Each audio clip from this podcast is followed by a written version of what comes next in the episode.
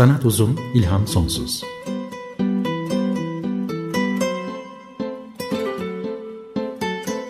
Sanat üzerine psikolojik sohbetler. Hazırlayan ve sunanlar Şenol Ayla ve Timuçin Oral.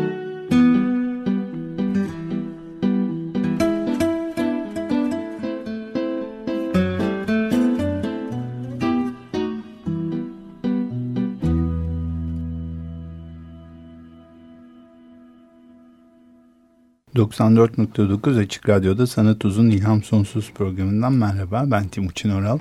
Ben Şenolay'la merhaba. Teknik Masada da karşımızda Barış Demirel. Twitter hesabımız et sanat uzun. Podcast'imize de Açık Radyo.com.tr ana sayfasındaki programlar bölümünden e, ulaşabilirsiniz. Programlar içine yazarak. E, yalnız buna değil bütün e, sezonlara ulaşabilirsiniz. Evet. Ee, geçen hafta bir süredir zaten otoportre, selfie, self konuşuyoruz. Geçen hafta da Şükrü Erbaş'ın Kuş Uçar Kanat Ağlar metnini okumuştuk. Düz yazı ama Şiirdi şiir de gibi. aynı zamanda sen öyle demiştin. şiir, Nesir ama şiir gibi şiir demiştin. Şiir gibi. Cehalet bitti şükür. Tevazu bitti. incelik bitti. Hatıra bitti. Gönül bitti. Şarkı bitti. Bir aynalar pazarı ki yaşıyoruz işte diyerek evet. bitirmiştik. Öyle bitirmiştik. Evet. Ayna ile başladığımız bir program serisi bu aslında. Ee, oradan otoportrelere sonra foto otoportrelere geçtik konuştuk. Sonra selfie'den söz etmeye başlamıştık ve kimliklerimize, kişiliklerimize de bakıyorduk. Ee, selfie'den söz ederken narsizmden, narsisizmden de bu zor olduğu için Freud'un narsizm dediğini hatırlıyorum evet. eski hmm, programlardan. Doğru. Dili sürtüyor insan. Narsizmden de söz ettik normal narsisizm e, kavramından da bahsettik. Hans Kuhn e, normal narsizm diye tanımladığı bir yapı vardı. Orada da olması gereken bir hırs, yaratıcılık ve empati bir miktar insanda. Hmm, bunların bulunmasına da normal narsisizm diyordu. Çünkü bunlara geçme sebebimiz aslında selfie'nin birçok insan tarafından, yazarlar tarafından bazen narsizm olarak tanımlanmasıydı. Evet. Sen de buna şiddetle karşı çıkmıştın. Karşı çıkıyorum her şeye hastalık, hastalık deme gayretine. Fakat gene bir şeyden bahsetmiştin. Dark Triad'dan, e, karanlık üçlüden. E, orada da narsisizm, psikopati ve makyavelenizm vardı, çıkarcılık vardı. E, yaptıkları çalışmada Fox ve Rooney çok fazla selfie paylaşan kişilerin narsistik özellikleri olduğunu söylemişlerdi. Ama bunu temelde sosyal paylaşım sitelerinde kendini sunma biçimi, davranışı bağlamında söylemişlerdi. Biz de oradan iki yeni kavrama çıkmıştık. Dijital self ve telecopresence. Ne demekti bunlar? Şimdi im, dijital self'ten önce herhalde biraz selfie de hatırlatalım mı? Öyle tamam, iyi tabii. olacak. Çünkü e, aslında Winnicott'la Donald Winnicott'la şeyde o hmm, dürtü kuramı ile ilgili şeyler psikolojide dolayısıyla psikiyatride konuşulduktan daha sonraları işte bu ilişki, ilişki kuramı, e, kendilik psikolojisi falan gibi şeylerin gündeme geldiğini biliyoruz e, süreç içinde çok kuramsal olmadan. Onlar arasında Donald Winnicott da aslında e, gerçek self ve e, sahte self yani true self, false self daha doğrusu gerçek kendilik ve sahte kendilik diye e, bir şey bir tanımda bulunmuştu. E, gerçek self e, kişiliğimizin e, o içerideki çekirdekte var olan bir, bir orijinal e, yapısını. E, sahte kendilik de e, bu çok e, kırılgan ve e, kendini gerçekleştirmenin çok da mümkün olmadığı koşullarda geliştiğinde ortaya çıkan o kırılganlığı ortadan kaldırmak için onu koruyucu bir sahte kendilik evet. e, oluştuğunu ve oluşması gerektiğini daha doğrusu bunun da işte onu korumak adına bazen işe yaradığını da mış gibi mış diye gibi. tarif edilen as if personality dediği yıllar önce Elena Deutsch'un bir başka yapıdan söz etmişti. Mış gibi. Mış gibi yapmak e, üzerinden. Şimdi bu buradan bağlayarak biraz E, dijital self aslında biz onu sayısal kendilik diye Türkçe'ye çevirebiliriz ama sayısal kendilik çok sevimli olmuyor. Dijitali sayısal diye çevirince. Evet dijital yine Türkçe'de dijital sanki diye hala. daha çok oturdu evet dijital kendilik. Nasıl ki öz çekim yapamadık selfie'yi. evet doğru İlk programda zorladık bir iki cümle. evet dijital selfie de işte bu e, e, dijital ortamda sanal ortamda ya da çevrim içi ortamda nasıl dersek kişinin e, e, kendiliği ya da var olduğu şeklini tanımlamak için dijital self denildi. E, teleko presens de ya da tele nasıl denir uzaktan eş e, varoluş ya da hı hı. birliktelik. Evet eş mevcudiyet eş, ya da evet birliktelik dersek ona. Bu da aslında yine elektronik mecburen ortamda ya da sanal ortamda aslında uzaktan birisiyle birlikte olma durumunu ya da e, e, il, iletişim ilişki içinde olma, onun seni görüyor, senin onu görüyor olduğun yani metaforik anlamda bir görmeden bahsediyorum tabii. Hı hı. Onun ee, orada olduğunu ve seni e, takip ettiğini bilmen bilmek, yani değil mi? Evet. Evet bunu hatta şey gibi örneklemiştik. oyun oynuyor çocuklar ve anne babalar diyorlar ki işte bu çocuklar da çok şey asosyal. Biz öyle değildik. Parkta oynardık, sokakta koşardık bunlar böyle filan ama onlar da aslında bilgisayar başında gerçekten arkadaşlarıyla birlikte bir oyun oynuyorlar. Yani aslında böyle bir eş zamanlı bir başka birliktelikte uzaktan da olsa hatta kıtalar aşırı bile olsa bir zamanların şeyini hatırlıyorum da World of Warcraft'ını böyle sabahları kadar başkalarıyla oynayan e, çeşitli gençler, delikanlılar görmüşlüğüm vardı. Hala çok büyük oranda var. Var, hmm, evet. İsimler, oyun isimleri değişmiş Değişse olabilir. De. Bu da var galiba ama. Evet. Ee, yakın zamanda bir ay kadar önce izlediğim Steven Spielberg'in filmi Ready Player One bu anlamda güzeldi bence. Çok iyi bir film değildi Spielberg hmm. için ama seyrettim mi bilmiyorum. Ben seyretmedim e, oynadı sinemalarda Ready Player One e, ileri bir e, çağda geçiyor. Çok uzak bir dönem değil ama böyle 10'lu 20'li yıllar sonrasında geçip bir herkesin e, aslında kendi kimliğinden söz bile edilmeden bir dijital kimliği var. Onun üstünde herkes e, berbat ortamlarda yaşayıp fakirlik var, yoksulluk var. E, bütün yaptıkları e, online olup orada bir kimlik ama tabii o da çok geliştirilmiş. E, hmm. Virtual reality olmuş.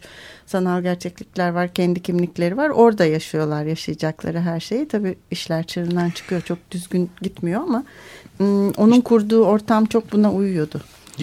İşte dijital gerçek dijital self o aslında. Şimdi bir de tabii şu da çok önemli.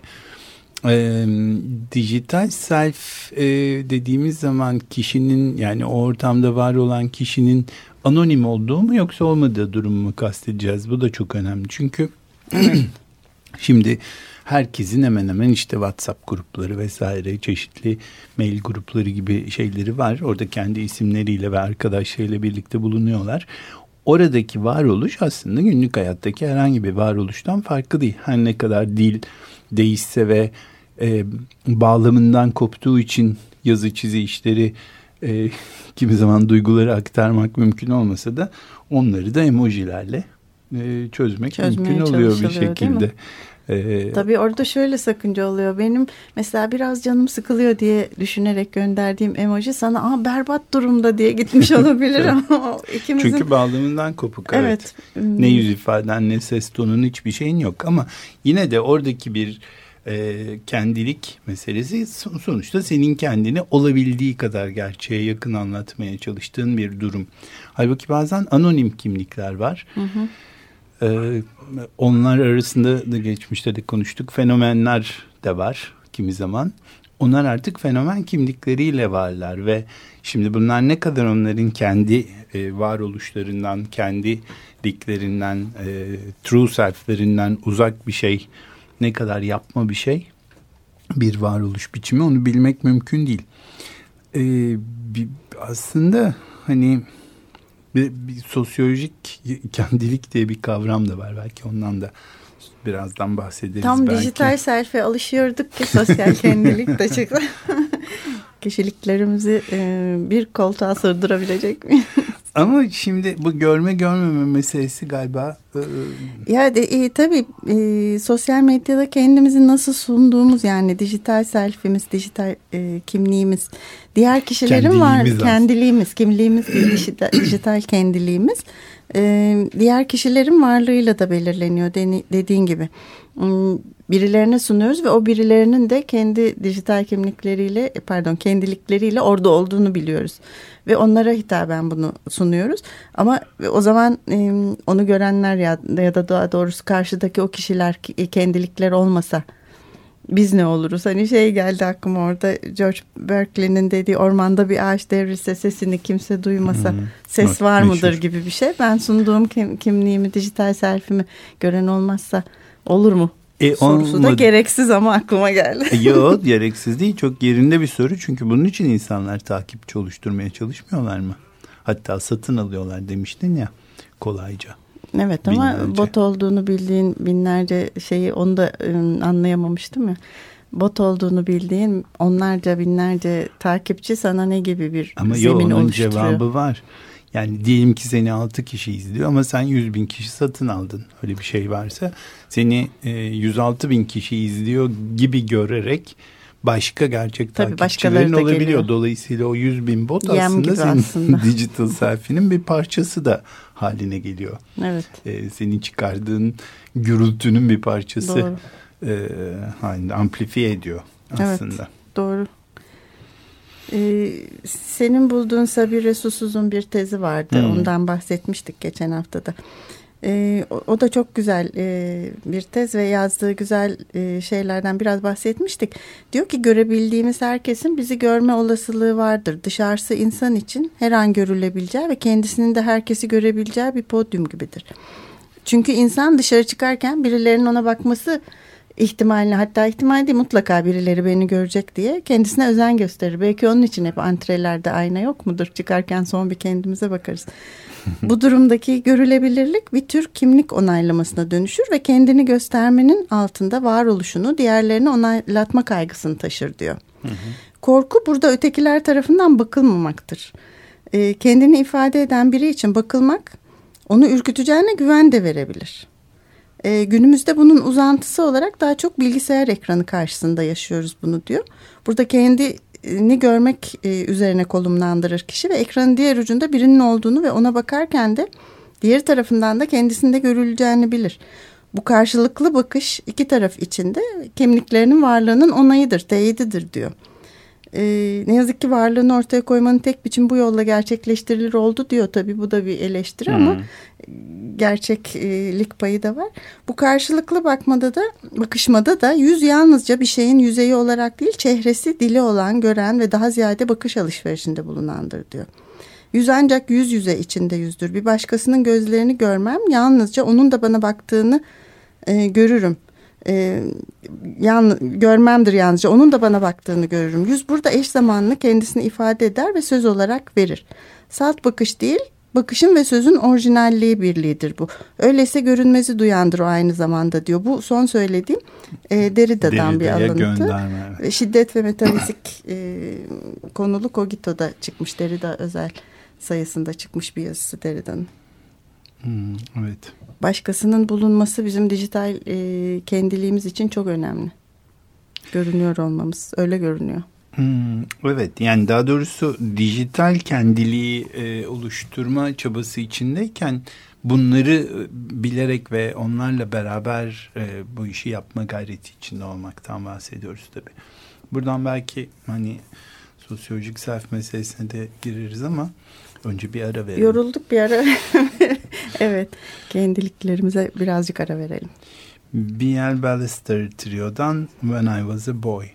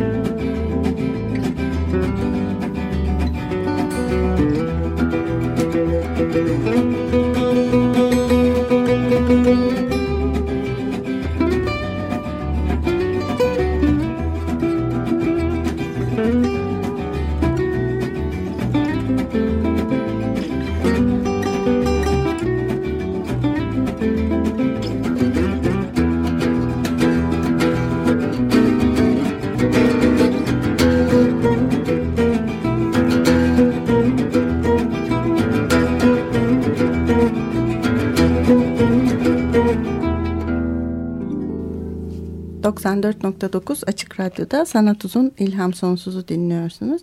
B.L. Ballister Trio'dan dinledik When I Was a Boy.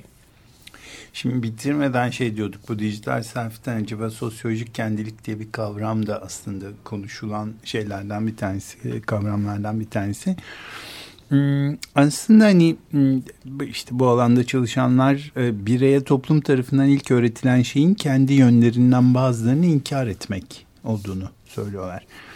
Ee, yani e, toplumsal çevre psikolojik kendilikle çatışma halinde. Çünkü işte zaten false self'in e, ortaya çıkması çıkmaması meselesinde de bu kavram var ama orada daha çok önce kişinin daha çocukken birincil ilişki kurduğu insanlarla olan ilişkisi üzerinden tabii ki o gelişiyor. E, ebeveyn, anne e, meselesinden. Ama burada bunun üzerine bir de e, toplumsal çevre, farklı gerçekleri olan bir toplumsal çevre ki e, dinleyen herkes beni çok iyi anlayacaktır. E, kişinin e, psikolojik kendiliğinden yani e, asıl kendiliğinden e, farklı olabiliyor. Onu olmaya zorladıkları bir e, kendilik hali bir de bunun kendisi. Dolayısıyla e, bu hani bizim sos toplumsallaşmamız sırasında sosyal ortam tarafından oluşturulan da bir şey. Ee, ve hatta e, çok baskın olduğunda kendimize yabancılaşabiliriz aslında bu kadar çok e, çevrenin bize şekil verdiği bir e, ortamda dünyada e, ve sosyolojik kendilik genişlediği oranda da tabii kendiliğimiz bizim Küçülecek daralacaktır. Evet yani nefs e, e, bir şekil alacak ister istemez. Şimdi burada hmm, bu tabii kültür ve tarihsel dönemlerle ilişkili bir şey ve e, uzun süreli deneyimler, koşullanmalar, e, gelenekler yıllar içinde toplumların gelenekleri biraz sosyolojik kendiliğin gelişiminde epey bir rol oynuyor. E, dolayısıyla bunun iki tarafı var diyebiliriz belki. Bir hani birey ve kültür arasındaki bir uzlaşma ve uyum bazen ona uyum sağlayabiliyoruz ya da o da bize uyum sağlayabiliyor e, bir şekilde. E, ama bir de onun tarafından kontrol ediliyor olmak, yönetiliyor olmak. E, şimdi o noktada işte bu dijital self meselesi anonim olup olmamanın anlamını da belki burada Hı, ortaya çıkarıyor. Çünkü herkesin seni seyrettiği ve olmanı istediği bir e, platformda sen bir şey yapmaya çalışıyorsun. Kendi adına yapamadığın durumlarda da işte böyle müstehar adlarla hı hı. E, ya da bir takım e, avatarlarla başka bir e, kimlik olarak orada var oluyorsun. Bu da bir e, sana ait bir kendilik aslında. E, benim iddiam şu tabii. Ne kadar anonim de olsan e, sen sensin aslında değil mi? Evet. Ve e, yapabileceklerin ya da orada kendini ortaya koyuş biçimin yine seninle sınırlı. Çok uç noktaları varsa eğer bunun olabiliyorsa sen kendi isminle olabileceğinden çok daha farklı davranabiliyorsan aslında bu sosyolojik kendiliğin senin üzerinde yarattığı geçmişteki baskı nedeniyle aslında hmm. o hiç olmasaydı Demek ki öyle olacak. Başka türlü olabilirdin yani olabilme potansiyeli Varmış. taşıyorsun. Ee, o yüzden hani bu görünür olmak, görmek meselesi bu yüzden önemli. Ee, evet. E, Birilerinin e, gördüğü ortamda nasıl olduğumuz, nasıl davrandığımız. Evet. Ee, bu Sa tabii bir özgürlük meselesi de aynı zamanda değil mi? E tabii hem Hı. de özgürlük dediğin gibi hani toplumsal kendiliğini oluşturamadığın yerde ya da o baskı nedeniyle yapamadığın şeyi ortaya koyman öyle düşününce de güzel. Aslında bunu çok yaşıyoruz galiba. Türkiye'de Twitter'da özellikle paylaşımlarımız şimdi biraz daha kısıtlanıyor gibi görünüyor ileride ama hani ceza alabilir bir şeyler. E, her yerde çıkıp söyleyemediğimiz şeyleri takma isimlerle orada söyleyebiliyoruz. Birçok insan bunu yapabiliyorlar. Yapabiliyor. Trend topik oluşturulabiliyor. Hı hı. e, yine o tezde Sartre'ın bir e, dediğine rastladım. Bakış fenomenini başkalarıyla ilişkiye girme sorununda özgürlük boyutuyla ele alıyormuş Sartre'da. E, başkası bakış ile benim dünyamı alt üst eder, benim özgürlüğümü elimden alır. Ben artık bir özne değil bir nesneyimdir diyor Sartre'da. Bu durumdan çıkmak için kendi bakışlarımla başkasının dünyasını yıkmaya ve onun öznelliğini elinden alıp nesne kalmaya çalışırım diyor. Bu karşılıklı bakışma ve nesneleştirme süreci sonsuza kadar sürmektedir. Sartre bakış fenomeniyle e, modern bir köle efendi diyalektiği kurmuştur diye e, yorumlamış Sabirosuz da başkasıyla ilişki bir savaş alanına dönüşmüştür diyor. E, bu yanıyla hem kendi varlığını gerçekleştirme çabası, çabası hem de varlığını onaylayacak e, diğer kişilerin bakışına kendini açma cesareti vardır. Yani Ötekilerin varlığı benim kimliğini tanımlar. Bu ötekilerin bakışlarının sorumluluğunu da üstlenebilmektir diyor. Bizim deminden beri söylediğimiz şey aslında. Diğerlerinin varlığında kendiliğimizi nasıl ortaya koyduğumuz. Burada e, onların sorumluluğu, bakışlarının sorumluluğunu da almaktan bahsediyor. Evet. Ee, bu, bu belki şeyi de hani değil mi karşılıklı bakışmayı da e, bana onu çağrıştırdı. Hmm, hani bakarak üstünlük kurmak e, karşılıklı olarak sadece hani görmek ve bakmak değil o bakışla başkasının varlığını da şekil verme çabasını aslında Bakışın oraya kadar gidiyor. Mi diyorsun ee, mesela? Sürekli bakarak aslında. Hmm. Yani e, sürekli gözünü dikip bakarak. Ha, gözünü dikip bakarak. Bakarak evet. Hmm. E, köpekler arasında bilirsin senin de köpeğin var benim de e, gözünü dikip dik bakmak köpeklerin kavgaya daveti gibidir aslında. Hmm.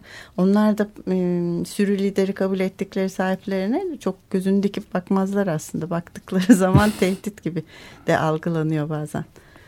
Sen ona baktığında da e, o gözünü kaçırıyor. Evet ama onların e, takipçileri olsun ya da likelansınlar gibi bir dertleri yok neyse yok. değil mi? Takipçilerimi de getirdim diye gelse akşam eve değil mi? 27 de, tane başka köpekle. bir de tabii şey çok ilginç geliyor değil mi? Bir e, hani nazar kavramının olduğu, nazar boncuklarının taşındığı bir yerden bakılmak ve görülmek ve herkes tarafından fark edilmek için harcanan çabaya doğru bir geniş. evet ama acaba burada bak ilginç bir konu. Bu araştırılabilir. Ee, sanal ortamda nazar var mı? Çok takipçi oldu nazara geldim gibi bir şey var mı? Buna bakmak lazım. Ya da o ortamda haseti de belki konuşmak ilginç olurdu. Doğrusu ha, bu da başka mutlaka. bir e, konu olur. O zaman şimdilik keselim. Daha buradan devam edeceğimiz şeyler var. Haftaya devam edelim. Haftaya devam edelim. O Bu zaman... haftaki destekçilerimiz sevgili Çiğdem Özkara'ya ve Pelin Hola teşekkür ediyoruz. Evet, arkadaşım Çiğdem Özkara'ya Evet, senin de arkadaşım. Ben de uzaktan tanıyorum. Çok teşekkür ediyoruz. Haftaya görüşmek üzere. Hoşçakalın diyoruz. Hoşçakalın.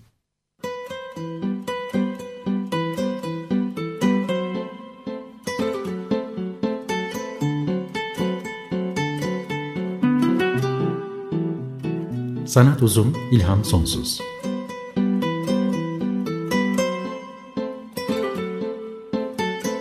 Sanat üzerine psikolojik sohbetler. Hazırlayan ve sunanlar Şenol Ayla ve Timuçin Oral.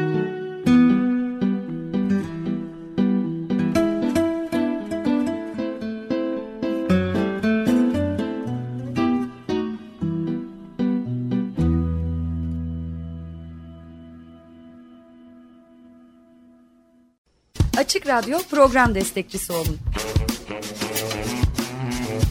Bir veya daha fazla programa destek olmak için 212 alan koduyla 343 41 41.